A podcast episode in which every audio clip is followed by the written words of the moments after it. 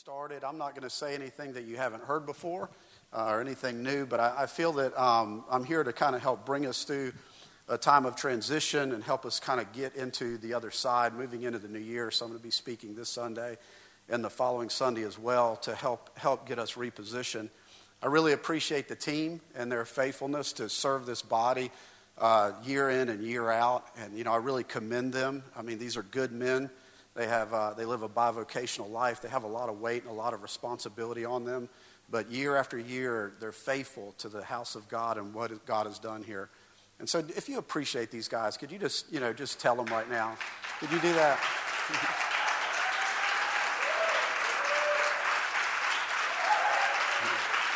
and they're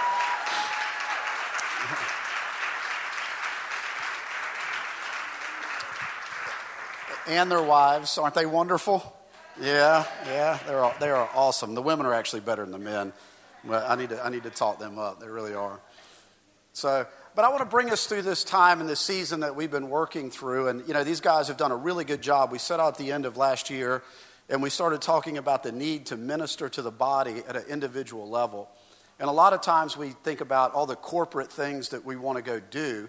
But how many know when you're just busted and broken and you're having struggles and all of these type of things, you have to have a place of personal healing or personal restoration to be able to get up and to go do something for God. It's like you can't do it if you're laying in a hospital bed and you're wounded. And sometimes we have to work through our struggles and our difficulties, but you know what? We need, a, we need time of, of, of restoration and healing. And so these guys have worked very, very hard over the last uh, couple of months, especially towards the end of the year. They kind of took Luke 4 as the theme and started working through healing of the brokenhearted, inner healing, roots of bitterness, uh, unforgiveness, all these things that tend to be distractions in our life that attach to us that keep us out of the plans and the purposes of God. Isn't it amazing how just cunning and crafty the devil is that he just wants to get us so bound and so preoccupied with our own individual struggle that we can't ever get into the thing that God called us to do. And it's like we know we're called to serve relationships, but we still have this, this uh, adversary that comes in and he's always causing accusations and roots of bitterness and unforgiveness and all these things that, you know, and it's, we, we end up playing into them and they become a distraction to the very thing that we're called to serve. And I just want to say something here this morning. One of the points of really walking in maturity in Christ is understanding that offenses must come, but we don't need to receive offenses and live in offenses. And the nature of these offenses are to work us into the nature of the person of Christ. You, under, you understand me this morning?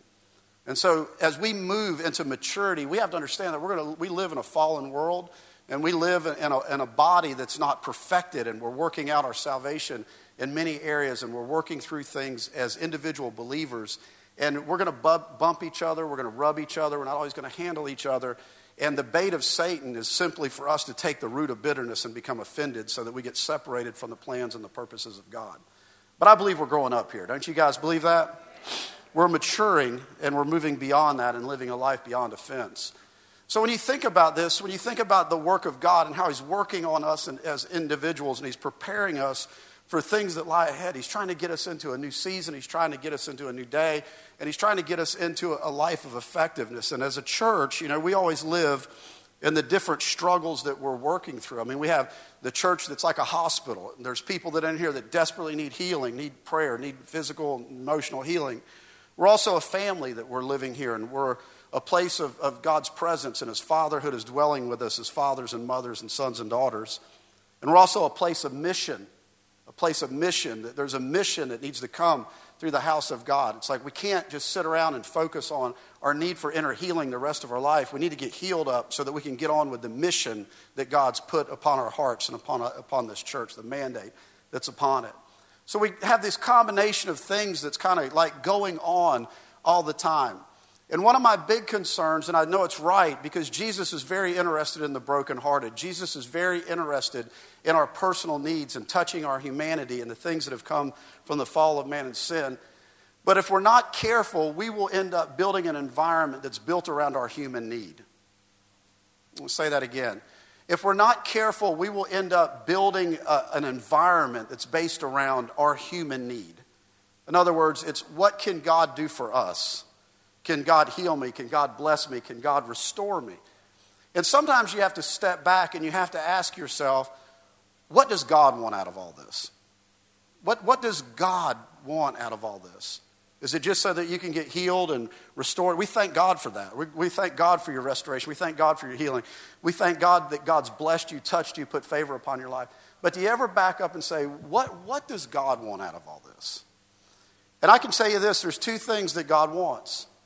One, He wants to dwell with us the, as, as His people, and He wants us to receive our inheritance in His kingdom and advance His kingdom in the earth while we're here. Okay? He wants, he wants to dwell with us. He wants His presence to be here. He wants to live here. So, tonight or this morning, I want to kind of pull us up. This is more of a desire. This isn't teaching or it may turn into preaching and exhortation, but I want to create hunger and desire in us again for what God was longing for from the very beginning, and that was to dwell in the midst of His family and His sons and daughters. And I want us to become people that are not satisfied with status quo but we are hungry for the presence of God in a way like we've never been hungry for it before. You know, we work a lot with our kids, and, you know, I work a lot with Alex and Paige and Carson. And a lot of working with them is for their clarity. It's for their, so that they can be sane and be normal. How many have ever had kids that are out of their mind? And, the, you know, that becomes a distraction and things get broken down to where fellowship is broken down. But the reason that I want my kids walking in clarity is so that we can live in the presence of one another and that we can have fellowship with one another and that they can receive the mandate to advance God's kingdom the way that we received it as sons and daughters in our generation. So, the goal of this is to get us back into the presence of God. I want to see this church get elevated again into the presence of God. Uh, I don't want just a little dab of do I don't want just a little little fix, a little shot on Sunday morning. I don't want just here's a little bit that we got, but let's let's raise the bar of our expectation, saying there's got to be a whole lot more in His presence in this. Come on, can you say that? There's got to be a whole lot more in His presence in this. I can't hear you. Come on, can somebody shout it out? There's got to be a lot more in His presence in this. so the presence of God is where God wants to come and He wants to dwell among us. If you have your Bibles, I want you to turn to Exodus chapter 33. Exodus chapter 33, and we're just going to read real quickly. Verse 13.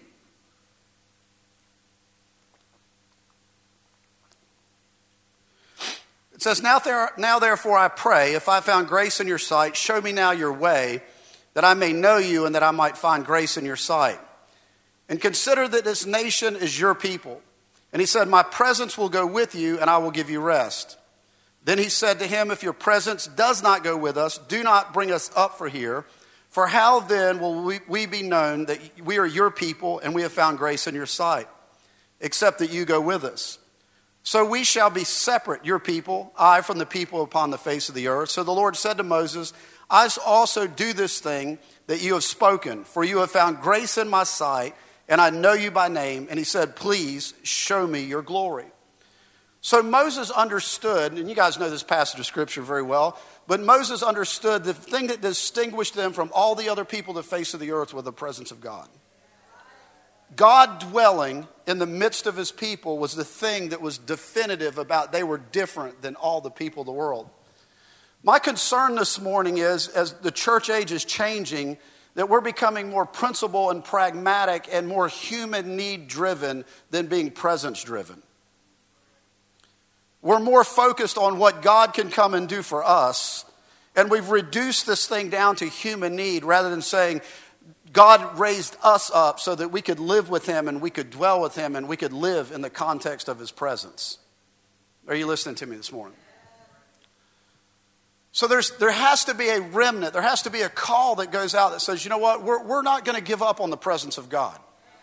We're not going to give up on the presence of God. We're not going to make this about our humanity, but we're going to make it about what God wants. And we want to be the people of His presence. And if we don't have His presence, His presence is the only thing that's distinguishing us from all the people of the earth.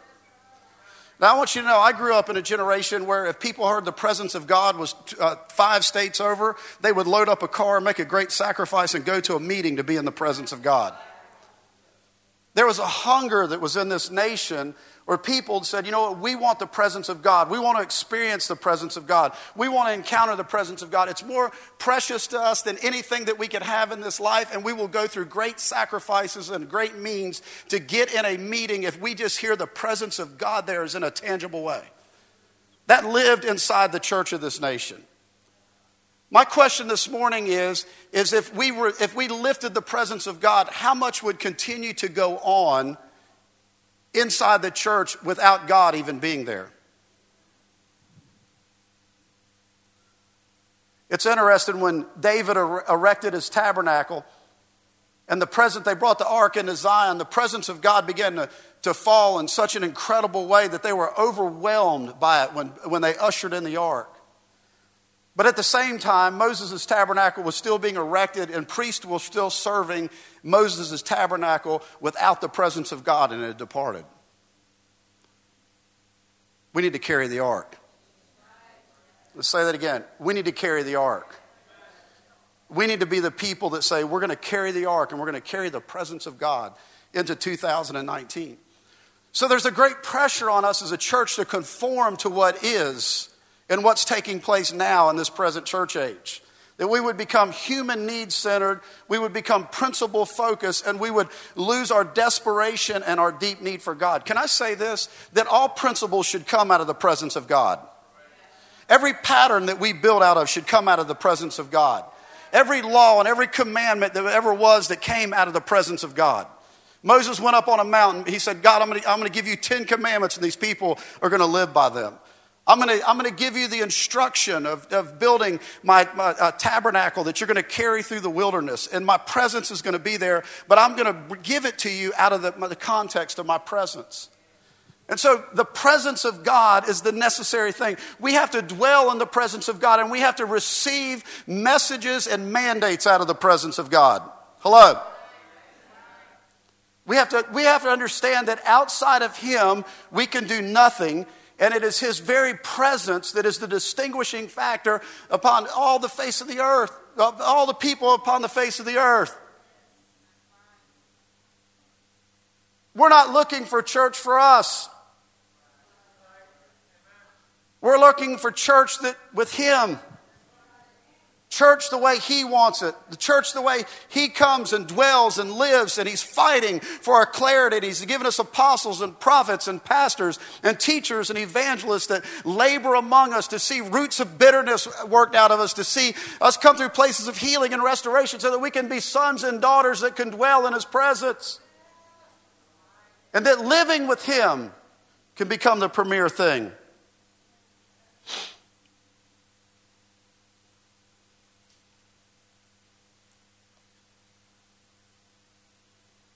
This morning, I just feel like there's a call back to his presence.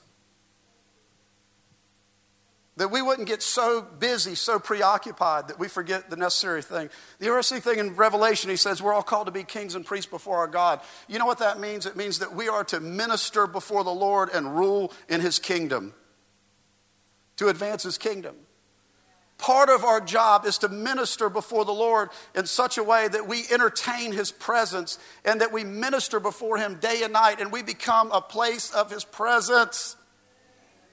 We're saying, Lord, let your presence be here. Lord, we need your presence. If your presence doesn't come, we can't do it. If your presence isn't manifesting, we can't do it. Lord, we've got to have your presence moving into this new year.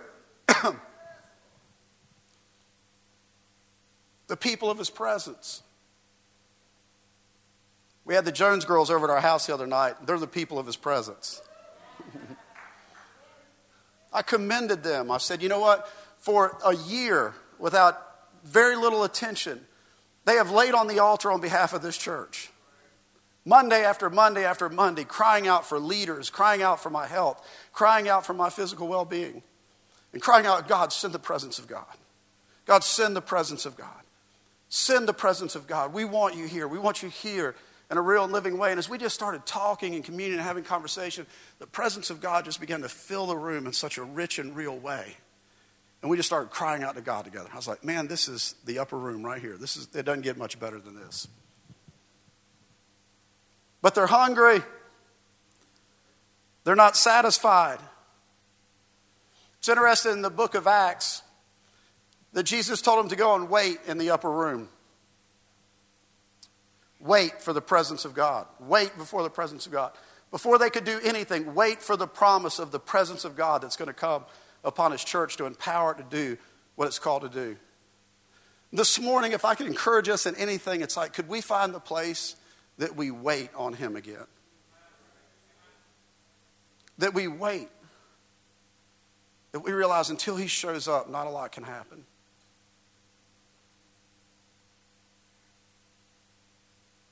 But when He shows up, all types of amazing things happen.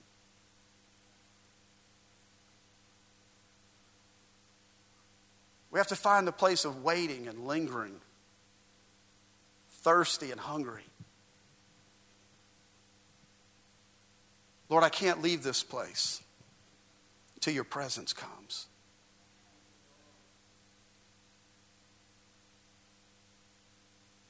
Years ago, we pursued the presence of God so strong in this church that Debbie Morgan came up with a tagline and she said, A people passionately pursuing his presence. Christian Life Fellowship, a people passionately pursuing his presence. May we never lose that. May we never lose that. May our principles not become the thing that we rely on, but Him. Lord, we want you. We want you. More than anything, we want you. I'm getting ready to close. I don't have a lot to say this morning, but I just feel like as we close out this year, one of the things that we need to do is we need to come back, just get on the altar and say, God, we want you here in a tangible way. We want your presence, we want your glory. We're not giving up on a visitation, but we're believing for a visitation that will change us and change our city, change our region, change nations. Can we move beyond our own human need and what we want God to do for us and move to a place where we say, Lord, we want you. We want you. We want your presence. We want your presence. I'm going to ask somebody to come to the keyboard for a minute, they would. This is very simple and very basic. I haven't said anything profound, I haven't said anything you haven't known.